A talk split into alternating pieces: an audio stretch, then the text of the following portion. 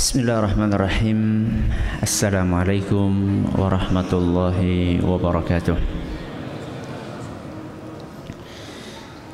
الحمد لله وكفى والصلاة والسلام على رسوله المصطفى وعلى آله وصحبه ومن اقتفى أما بعد Kita panjatkan puja dan puji syukur kehadirat Allah Tabaraka wa Ta'ala Pada kesempatan malam yang berbahagia kali ini Kita masih kembali diberi kekuatan, kesehatan, hidayah serta taufik dari Allah Jalla wa Ala. Sehingga kita bisa kembali menghadiri pengajian rutin malam Sabtu di Masjid Jenderal Sudirman Purwokerto ini. Kita berharap Semoga Allah tabaraka wa taala berkenan untuk melimpahkan kepada kita semuanya ilmu yang bermanfaat sehingga bisa kita amalkan sebagai bekal untuk menghadap kepada Allah Jalla wa Ala. Amin ya rabbal alamin. Salam dan salam semoga senantiasa tercurahkan kepada junjungan kita Nabi besar Muhammad sallallahu alaihi wasallam kepada keluarganya, sahabatnya dan umatnya yang setia mengikuti tuntunannya hingga di akhir nanti. Para hadirin dan hadirat sekalian yang kami hormati, malam yang berbahagia kali ini kita akan melanjutkan pembahasan tentang adab yang berkenaan dengan undangan. Sebagaimana yang sudah kami sampaikan pada pertemuan yang lalu, bahwa secara garis besar adabnya terbagi menjadi dua. Adab yang harus diperhatikan oleh orang yang ngundang dan adab yang harus diperhatikan oleh orang yang diundang. Secara garis besar mengenai adab ini satu tentang adab orang yang ngundang dan yang kedua adab orang yang diundang Kemarin mana yang sudah kita bahas? Adab yang diundang apa yang mengundang? Kemarin kita sudah bahas adab yang ngundang. Sudah berapa adab? Empat. Sudah praktek belum? Belum ngundang? Ya enggak apa-apa, belum ngundang kok ya. Usah saya anak saya masih SD, ngundangnya masih 17 tahun lagi yang gak harus diterapkan dalam undangan pernikahan. Makanya kan kita katakan adab orang yang ngundang, bukan adab orang yang ngundang pernikahan. Jadi adab yang saya sampaikan kemarin itu berlaku untuk seluruh undangan. Bukan hanya kaitannya dengan undangan pernikahan saja. Kemarin kita sudah sampaikan berapa adab? Empat adab. Ya, Hari ini sebenarnya kita akan pindah ke adab orang yang diundang, tapi ternyata ada satu poin yang ketinggalan mengenai adab orang yang undang. Berarti ini yang nomor berapa? Nomor lima. Karena kemarin kita sudah membahas empat adab. Adab yang kelima di antara adab orang-orang yang akan ngundang adalah hendaknya tidak mengundang orang yang punya kendala. Hendaklah tidak mengundang orang yang punya kendala untuk memenuhi undangan. Tidak apa? Mengundang orang yang punya kendala, punya kesulitan untuk memenuhi undangan. Kira-kira ada nggak orang yang kesulitan kalau diundang? Ada. Karena apa biasanya? Stroke. Masa dikatakan ini stroke? Ada ya salah satunya betul itu stroke. Yang lain apa kira-kira? Jarak terlalu jauh. Terus? Itu dok orang yang kita tahu terlalu sibuk. Terlalu sibuk. Dan kita tahu persis bahwa orang ini kesibukannya luar biasa. Dan kesibukan dia itu bukan hanya untuk kepentingan pribadi. Karena ada sebagian orang sibuk. Sibuk apa? Golek duit. Terus sibuknya pol awan bengi ya isinya cuma nyari duit terus. Kaki jadi kepala kepala jadi kaki. Ya bukan seperti itu kenyataannya. Cuman ini menggambarkan betapa orang ini sibuknya pol. Ya sebelum subuh sudah berangkat habis isya baru pulang. Bahkan kadang-kadang lembur sampai jam 12 malam. Besok lagi berangkat lagi Ya mungkin itu salah satu kesibukan. Ada kesibukan yang lain adalah ketika orang ini punya kesibukan untuk ngurus orang banyak. Ya. Jadi dia ini punya kesibukan untuk ngurus orang banyak bil khusus ngurus umat.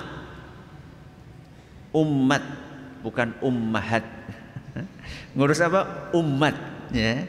Misalnya orang itu dai ya kiai, ustadz, mubalik yang jadwalnya sangat padat. Dan ustadz atau dai atau mubalik itu sudah padat. Kalau mau ngisi itu nggak bisa diundang hari itu langsung berangkat. Ngisi pengajian, dia butuh persiapan, butuh baca. Sehingga ketika dia diundang untuk ngisi katakanlah tanggal 5 sebelum tanggal 5 dari tanggal 1 sampai tanggal 5 dia dia sudah sibuk. Sibuk apa? Sibuk menyiapkan materinya. Jadi ada sebagian orang undangannya tanggal berapa Ustaz? Tanggal 5. Oh berarti tanggal 4 masih kosong Ustaz. tanggal 5 jam berapa Ustaz? Jam 9. Oh berarti undangan saya jam 6 Ustaz. Dikiranya itu ilmunya langsung maktuing keluar gitu ya. Justru jam 6 itu lagi lagi repot-repotnya nyiapkan materi karena sudah semakin mepet. Ya. Maka adab yang keenam, eh adab yang keberapa? Kelima, hendaknya hendaknya ya tidak mengundang orang yang punya kendala untuk bisa memenuhi undangan. Kecuali kalau memang waktunya dia punya. Ngepasi waktunya pas kosong. Maka tidak mengapa. Dan kalau ternyata sudah diundang, kemudian tidak bisa, maka perlu memberikan toleransi perlu memberikan toleransi. Oh, tidak datang karena kesibukan, karena jarak.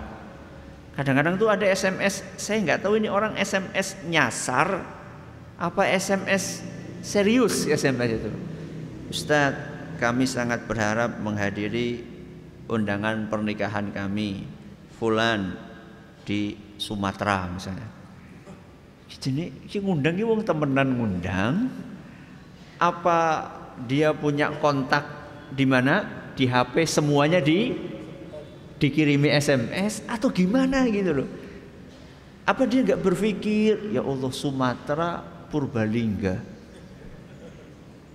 menghadiri undangan pernikahan sejam. Saya pikir subhanallah. Loh Ustaz ya jere jere sapa. Subhanallah. Bukan masalah jere sapa. Itu undangan pernikahan hukumnya apa? Wajib. Ya. Wajib untuk memenuhi undangan tersebut. Nah kalau misalnya nggak datang, dosa nggak? Dosa, kan kasihan jadinya. Membikin orang terjerumus kepada perbuatan dosa. Ya, maka ini adab yang kelima. Ya, Adab yang kelima ini landasannya adalah karena kita ini dilarang untuk mengganggu, menzolimi orang lain. Itu alasannya. Jadi ketika kita tahu orang ini punya kendala kemudian kita undang tetap itu kan membuat dia menjadi kalaupun datang dia datang dengan apa ya dengan harus mengorbankan sekian acara yang itu mungkin lebih penting. Ya. Nabi kita Shallallahu Alaihi Wasallam bersabda, al Muslimu akhul Muslim. Muslim itu saudaranya Muslim yang lainnya. La yadlimuhu wa la yuslimuhu. Tidak boleh Muslim itu menzolimi Muslim yang lainnya, menyakiti Muslim yang lainnya, mengganggu Muslim yang lainnya, ya membuat beban untuk muslim yang lainnya terlalu berat wala yuslimuhu dan tidak membiarkan dia disakiti. Hadis riwayat Bukhari dan Muslim. Ini landasannya. Kemudian ketika kita ngundang orang lalu dia tidak datang kita berusaha memberikan toleransi mentolerir ketidakdatangannya itu landasannya adalah kita dilarang untuk suudzon Kadang-kadang, lah ini sudah mulai sombong ini orangnya. Diundang nggak? Nggak mau. Dulu ketika masih miskin diundang dapat datang. Begitu kaya diundang nggak mau datang. Ini ustadz ketika belum terkenal diundang mau datang. Begitu sudah terkenal jaga jaga image jaim. Ya. Jangan suudzon. Karena di dalam agama kita suudzon itu terlarang. Sebagaimana firman Allah Subhanahu wa taala dalam Al-Qur'an surat Al-Hujurat ayat 12, "Ya ayyuhalladzina amanu tanibu katsiran minadh-dhann." Wahai orang-orang yang beriman. Nih pesannya Ibnu Mas'ud radhiyallahu anhuma kalau lewat ayat isinya panggilan untuk orang yang beriman fa'ar'ihi sam'ak pasang itu telinga. Jadi kalau kita setiap lewat ya ayyuhalladzina amanu kita ini sedang dipanggil. Maka kalau lewat ayat itu stop konsentrasi. Apa yang akan diperintahkan oleh Allah? Dan apa yang akan dilarang oleh Allah Subhanahu wa taala? Dan inilah etika kita terhadap Al-Qur'an. Ya ayyuhalladzina amanu wahai orang-orang yang beriman, kita lagi dipanggil. Apa kira-kira yang akan disampaikan oleh Allah Subhanahu wa taala? Ijtanibu katsiran minadh-dhann. Jauhilah kebanyakan prasangka. Inna ba'dadh-dhanni itsm. Karena eh, sebagian dari prasangka itulah do, dosa. Yaitu su suudzon. Makanya kalau misalnya kita ngundang orang kemudian nggak datang, coba dicari kira-kira apa ya dicari uzurnya ya oh mungkin yang diundang ini apa kira-kira husnudzonnya? Apa husnudzonnya? Mungkin sibuk. Kalau nggak sibuk mungkin sakit. Kalau nggak sakit mungkin lupa. Lupa itu uzur bukan? Uzur. Masa karo nyong kelalen, bok nyong kancane sing lawas. Yo namanya manusia lupa. Manusia itu tempatnya salah dan alpa, tempatnya lupa. Ya. Kenapa kita itu insan? Ya. Kenapa manusia itu bahasa Arabnya insan? Karena kata sebagian ahli bahasa dari kata nasia. Nasia itu artinya lupa. Memang manusia itu tempatnya lupa. Ya. Jadi mungkin karena sibuk, mungkin karena sakit, mungkin karena lupa, mungkin karena apa lagi? Husnudonnya apa lagi? Celakaan. Ini ku husnudon apa suudon niku? Mungkin istrinya sakit, mungkin istrinya melahirkan, mungkin ibunya sakit, mungkin semuanya mungkin mungkin. Kalau bisa jenengan itu berusaha mencari 100 kemungkinan yang isinya semuanya husnudon. Jadi jangan sampai nggak datang kayaknya dia sombong. Kalau nggak sombong apa? Mungkin dia meremehkan saya, mungkin mungkin jangan suudon. Otak kita ini jangan diisi dengan suudon, tapi isilah husnudon. Ini adab untuk ngundang. Nah sekarang kita akan berpindah ke adab uh, orang yang diundang ya adab orang yang diundang alias adab memenuhi undangan ini ada agak banyak ini Kita cicil hari ini, ngetah dapatnya berapa? Yang pertama, ada orang yang diundang. Pertama, hendaklah bersegera memenuhi undangan. Hendaklah bersegera memenuhi undangan dan tidak menunda-nunda. Biasanya kan kalau kita undangan, biasanya kita dikasih alternatif tanggal anu sampai tanggal anu. Misalnya tanggal 11 sampai tanggal 12, tanggal 11 sampai tanggal 13 misalnya ya. Maka kalau bisa di hari yang pertama kita datang. Karena apa? Karena mungkin besok-besok kita punya kesibukan. Makanya Nabi kita sallallahu alaihi wasallam bersabda, "Man du'iya falyujib." Barang siapa yang diundang hendaklah dia memenuhi undangan tersebut. Hadis riwayat Abu Dawud nyatakan sahih oleh Syekh Al-Albani. Jadi jangan terbiasa untuk mengundur-undur undangan, memenuhi undangan kecuali kecuali kalau memang ada halangan. Atau kalau tidak ada halangan khawatir memenuhi undangan itu berefek buruk kepada agama dan fisik kita. Jadi kalau kita datang buruan, khawatirnya akan ngefek buruk, ada dampak negatifnya kepada agama kita. Dan fisik, kalau fisik sih gampang ya, kita mudah paham. Tapi agama, kok bisa menghadiri undangan efek buruk kepada agama? Maksudnya gimana kira-kira?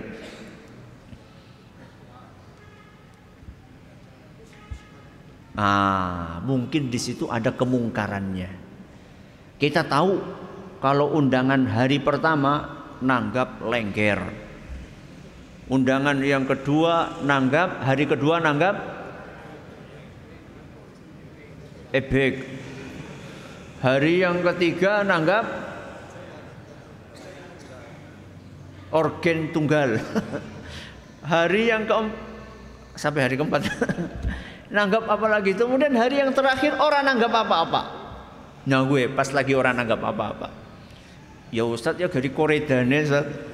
Loh, yang dicari apanya? Kita kan mau ibadah. Kita mau ibadah. Terus kenapa Ustadz kalau misalnya ada yang seperti itu seperti itu? Ya kalau misalnya kita tahu di situ ada orang mendem. Ya biasanya kan ebek anak wong sing sing mendem. Ya. Dan itu dianggap oleh sebagian orang biasa. Padahal di situ hampir bisa dipastikan ada unsur-unsur ritual-ritual yang berbau nopo? Yang berbau kesyirikan. Ya ada mantra-mantranya ada menyan-menyannya ya. Sehingga orang-orang yang datang pun kadang-kadang ada yang ke bawah ikut mendem dan seterusnya. Nah, kalau misalnya kita tahu ada acara seperti kemudian kita datang dan kita ikut menyaksikan kemudian kita tidak mengingatkan sahibul baitnya, tuan rumahnya, maka itu akan mengganggu agama kita. Alias kita akan berdosa. Karena ketika kita tahu ada kemungkaran dan kita tidak mengingkarinya, maka seakan-akan kita mendapatkan maka kita akan mendapatkan dosa seperti orang yang melakukan kemungkaran tersebut dan ini efek terhadap agama. Makanya Hukum asalnya ketika kita mendapat undangan segera kita penuhi kecuali kalau ada halangan atau kita khawatir akan ngefek kepada agama kita, berefek buruk terhadap agama kita. Ini adalah adab yang pertama. Adab yang kedua, di antara adab memenuhi undangan tidak menjadikan status sosial sebagai ukuran tidak menjadikan status sosial sebagai ukuran untuk mendatangi atau tidak mendatangi. Mendatangi apa? Undangan. Atau tidak mendatangi undangan. Status sosial itu contohnya, oh yang undang saya orang kaya. Yang undang saya orang miskin. Kemudian memilih-milih oh yang yang didatangi cuma yang kaya-kaya saja yang miskin-miskin yang kolah nek nek sempat ya, nek anak waktu ya jangan akan tetapi Ketika kita akan mendatangi undangan, tidak usah dilihat yang undang ini status sosialnya apa. Orang kaya kah, orang miskin kah, pejabat kah, atau uh, rakyat jelata, entah itu majikan kita atau pembantu kita. Ada sebagian orang kalau diundang sama bosnya, masya Allah. Tapi kalau yang undang bawahannya, ya nanti dulu. Enggak. Ya. Kenapa Ustaz? Karena yang seperti itu merupakan pertanda adanya penyakit sombong. Adanya tanda penyakit sombong di dalam hati seseorang. Makanya kalau kita perhatikan sejarah Nabi kita Muhammad Sallallahu Alaihi Wasallam, kita akan temukan Nabi kita SAW itu ketika diundang nggak pilih-pilih. Diceritakan dalam hadis riwayat Muslim, riwayat Bukhari, Rasulullah SAW pernah bersabda, "Lau du'itu ila qura'i la ajabtu." Kalau seandainya saya diundang untuk menghadiri jamuan makan kaki kambing, apa kaki kambing? Kok kikil? Apa? Apa? Dengkil? Bukan tengkleng ya? Tengkleng itu apa? Lah iya, bahannya apa tengkleng itu? Kaki kambing kan? Kaki kambing. Tapi nggak cuma kaki kambing ya. Mana ini yang maniak? ya. Kata pokoknya kaki kambing lah terserah istilahnya apa Arab dengkil, Arab tengkleng, Arab terserah. Eh, tengkleng apa tengkleng? Tengkleng. Ya pokoknya gitulah. Yang penting mafhum ya. Kalau seandainya saya diundang untuk menghadiri jamuan makan kaki kambing la ajab tu niscaya aku akan penuhi panggilan tersebut undangan itu. Rasulullah SAW ini undangan tengkleng atau kaki kambing itu kan sebagian orang nggak suka. Ya sebagian orang walaupun ada sebagian orang suka banget malah di ya, dicari-cari isinya itu loh apa namanya? Sum-sumnya itu ya. nikmatnya di situ saatnya ya tapi kalau di sana ya di sana di kalangan orang Arab itu bukan sebuah makanan yang istimewa. Ya kalau di Indonesia mungkin istimewa. Ya kadang-kadang memang di negeri kita masya Allah kreatif orang Indonesia itu. Saya ketika masih kuliah di sana ketika masih kuliah di sana ya sama kayak di sini ada orang jualan ayam potong yang namanya ceker terus apa jeroan, jeroan dengan segala macam bentuknya usus, terus apa? Rempela, ati, itu semuanya dibuang. Semuanya dibuang. Ya. Nah, ketika datang orang Indonesia baru dijual. Mereka nggak tahu kalau itu bisa bikin bisa dibikin makanan yang istimewa. Makanya sekarang kan mie ayam saja mie ayam ceker. Mereka baru ngelihat cekernya sudah. Ya. Tapi kita emang Indonesia emang luar biasa kreatifnya. Justru Ustaz gurihnya itu di situ kan. Subhanallah. Jadi kalau boleh dikatakan, kalau boleh dikatakan di kalangan sana itu adalah makanan kelas kelas bawah. Jadi Nabi SAW diundang untuk menghadiri makanan kelas bawah saja, beliau mau datang.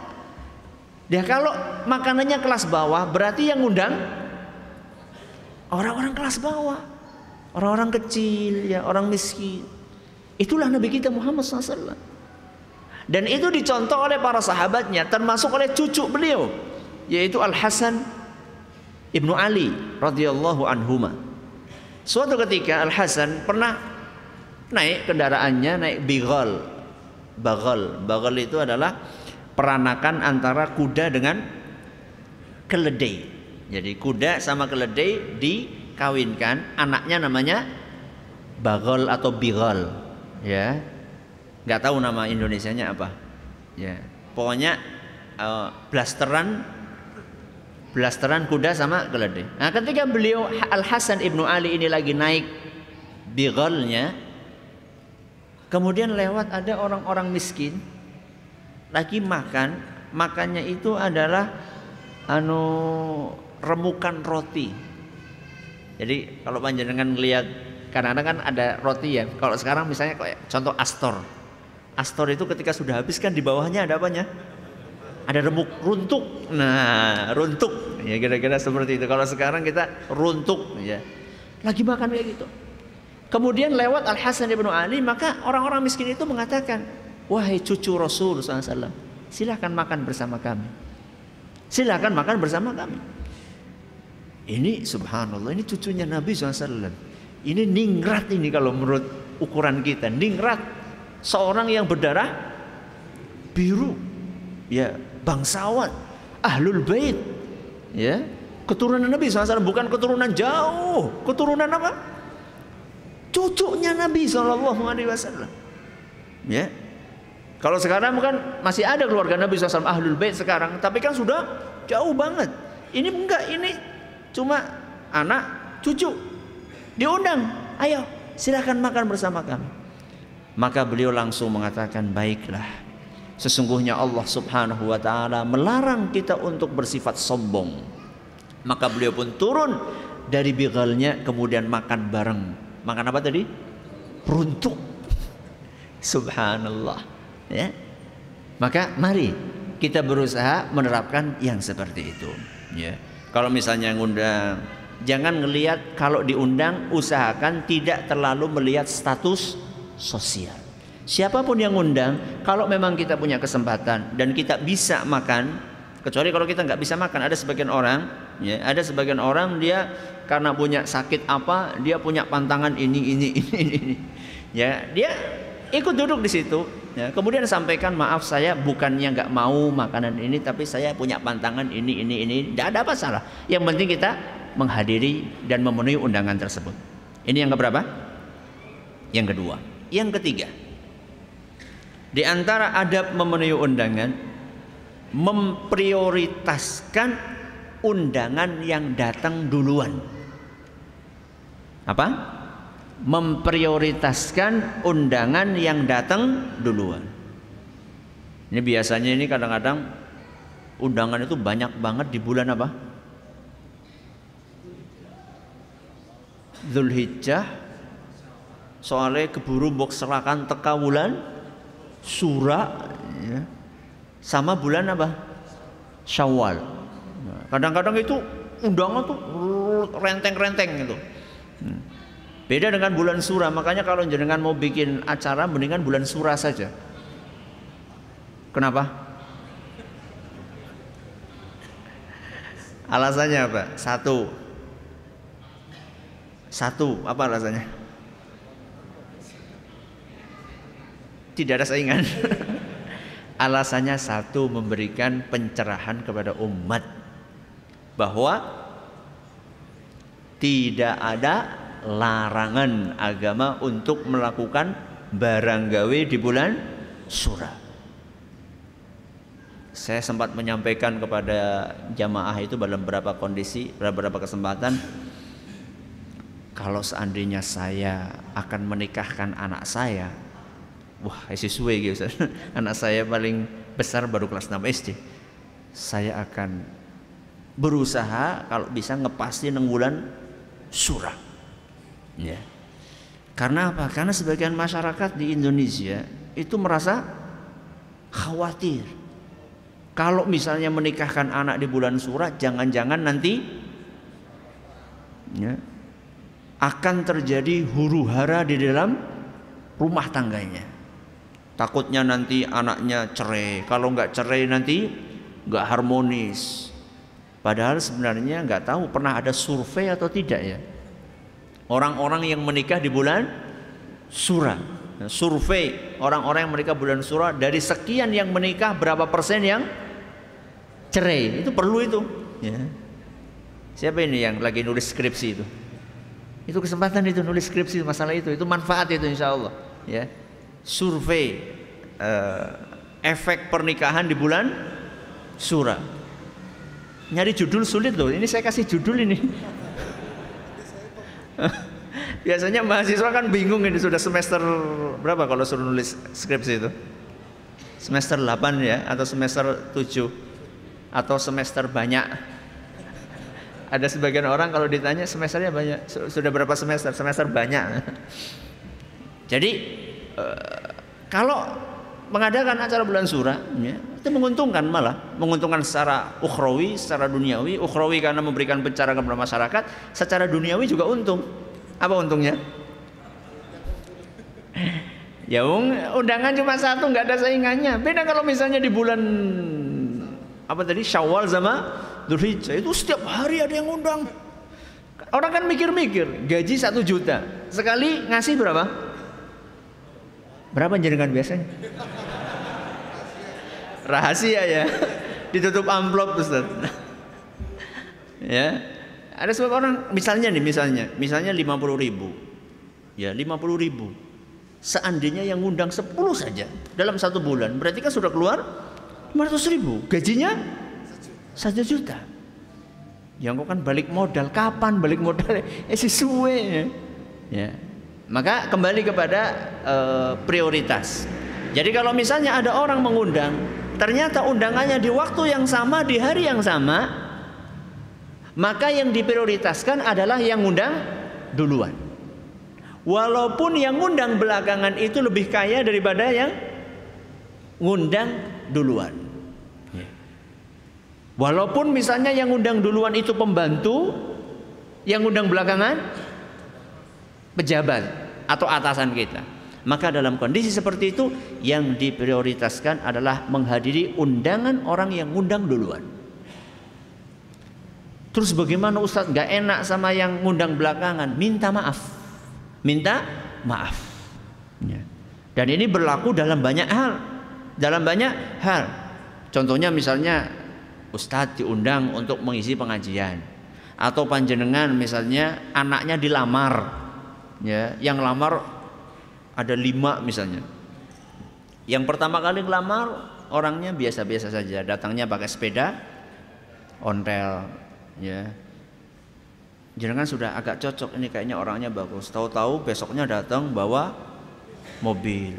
Mobilnya pun mobil oh, mobil mewah lah katakanlah. Ya bu anu dia ngerental ya mungkin juga kan? Mungkin juga kan? Jangan terlalu Jangan terlalu tertipu dengan penampilan. Ya, mungkin yang bawa sepeda ontel itu mungkin mobilnya mobilnya mungkin banyak ya. Mungkin mobilnya banyak. Iya, setiap hari kan naik bis gonta-ganti kan. mobilnya banyak. Atau mungkin mungkin saja orang itu memang orang kaya. Cuman dia itu datang untuk mengetes calon mertuanya ini. Ya, mungkin saja. Maka kalau misalnya seperti itu prioritasnya yang pertama kecuali kalau nggak cocok baru kemudian yang kedua. Dan banyak sekali dalam agama kita lamaran, ya undangan, kemudian eh, salam, macam-macam lah. Rata-rata atau kebanyakan prioritasnya adalah orang yang menyampaikan itu duluan. Ini adab yang keberapa? Yang ketiga, yang keempat. Di antara adab orang yang diundang tetap menghadiri undangan walaupun sedang puasa. Tetap menghadiri undangan walaupun sedang puasa. Dan tidak perlu mengatakan nggak bisa datang karena sedang puasa, nggak perlu. Jadi kalau misalnya kita diundang, maka walaupun sedang puasa tetap hadir. Terus gimana Ustadz? Membatalkan puasanya atau tidak? Batalkan enggak? Batalkan enggak? Terserah jenengan. Loh terserah Ustaz gimana Ustaz? Iya, kalau puasanya puasa sunnah. Kalau puasanya puasa sunnah. Terserah panjenengan mau jenengan batalkan atau tidak. Kalau misalnya si tuan rumah ini merasa bahagia, jamuannya panjenengan cicipi, panjenengan makan, maka dalam kondisi seperti itu bagus saja panjenengan batalkan puasa. Dalam langkah apa? Menyenangkan hati orang yang mengundang. Dan itu ibadah. Ya. Sesungguhnya di antara kebaikan seseorang Salah satu ibadah kata Nabi SAW adalah memasukkan rasa bahagia ke hati orang lain. Kalau misalnya kita tahu tuan rumah ini nanti akan bersedih ya Allah, nyong masak kawit wingi. Sudah saya panggilkan chef yang yang top nggak mau nyicipi. Ya. Kalau misalnya ada timbul perasaan seperti itu dan kita khawatir, maka panjenengan bagus panjenengan batalkan puasanya untuk memasukkan rasa gembira. Ya. Apa ada dalilnya Ustadz? Ada. Ya. Nabi kita sallallahu alaihi wasallam bersabda dalam sebuah hadis yang diriwayatkan oleh Imam Ahmad dan hadis ini dinyatakan sahih oleh Syekh Al-Albani Nabi SAW bersabda As-saimul mutatawwi'u amiru nafsihi.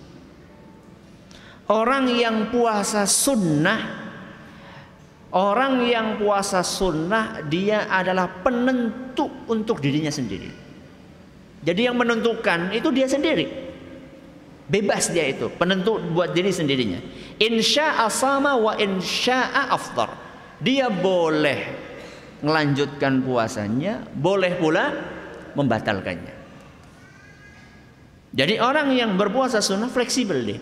Dia mau batalkan boleh, mau dia teruskan boleh. Dan Nabi kita Shallallahu Alaihi Wasallam pun pernah seperti itu. Hadis yang sering kita dengarkan atau yang sering kita uh, baca ketika Nabi Shallallahu Alaihi Wasallam bertanya suatu hari kepada Aisyah, wahai Aisyah, apakah ada makanan di rumah? Aisyah mengatakan tidak. Terus apa kata Nabi SAW? Ini soim. Kalau kayak gitu saya puasa. Pernah jenengan seperti itu? Pak, pernah nggak? Pernah. Masya Allah nih kalau pernah ini. Bu, anak panganan ora? Buatan wonten Pak kepriwe jane. Ini nih praktek dari Nabi SAW. Ya, praktek dari Nabi SAW kalau nggak ada apa-apa puasa. Lo mau urung sahur sih kepriwe? Nah, Nabi SAW juga nggak sahur. Ini baru ketika sudah sudah lewat waktu subuh, sudah agak waktu makan pagi lah katakan. Tanya kepada Aisyah, wahai Aisyah ada makanan nggak? Ini soim. Kalau gitu saya puasa. Ternyata agak siangan ada orang datang ke rumahnya Nabi Shallallahu Alaihi Wasallam ngirim makanan, ngirim makanan. Nah, ketika Nabi SAW siang-siang pulang, Aisyah cerita wahai Rasul tadi ada yang ngirim makanan. Ngirim apa? Haisah. Apa? Haisah. Apa haisah? Haisah itu kalau bahasa gampangnya saya, geduk kurma. Itu bahasa gampang ya. Jadi haisa itu kurma dicampur tepung, dicampur susu, dicampur mentega. Dia apa? Dicampur jadi satu. Itu haisa. Ya. Makanya kepanjangan saya katakan geduk kurma. Itu kan cepat gitu ya. Gampang pahamnya. Kata Aisyah, haisah wahai Rasul. Maka kemudian Nabi Shallallahu Alaihi Wasallam memakan itu. Hadis riwayat Muslim. Hadis riwayat Muslim. Berarti orang yang sedang berpuasa dia fleksibel. Sudah masuk? Belum? Sudah. Ya, silakan. Kita lanjutkan sebentar lagi insyaallah. Alhamdulillah rabbil alamin, ala nabiyina Muhammadin wa ala alihi wa sahbihi.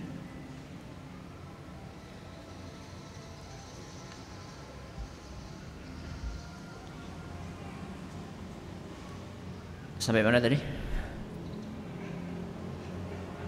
Nabi SAW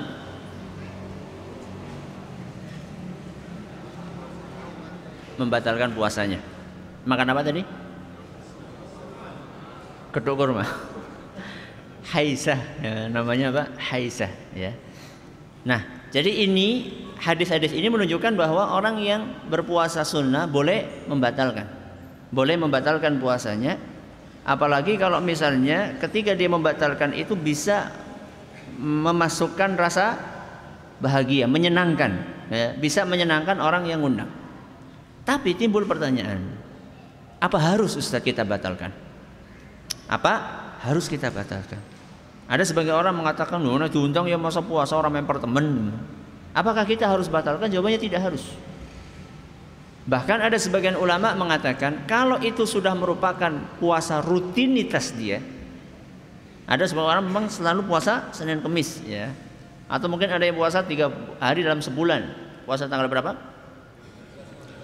E, 13, 14, 15. Atau puasa Dawud ada sebagian orang.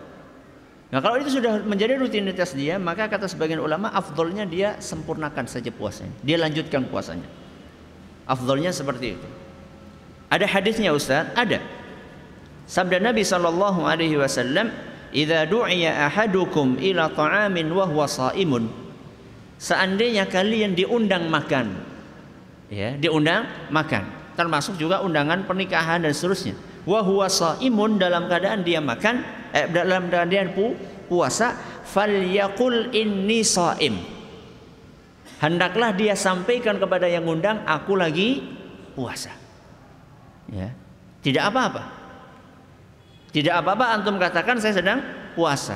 Kemudian juga pesan dari Nabi sallallahu alaihi wasallam ya idza du'a ahadukum falyujib fa in kana sha'iman falyusalli wa in kana muftiran falyat'am. Dalam sahih muslim juga Nabi SAW berpesan kalau kalian diundang maka penuhilah undangannya. Kalau kalian sedang puasa maka doakan. Doakan orang yang undang tersebut wa in kana muftiran falyut'im au falyat'am kalau dia sedang tidak puasa hendaklah makan Berarti di sini Nabi SAW mengatakan kalau lagi puasa doakan saja. Apalah doakan berkah, doakan ampunan, doakan macam-macam, doakan kebaikan. Kalau sedang nggak puasa silahkan makan.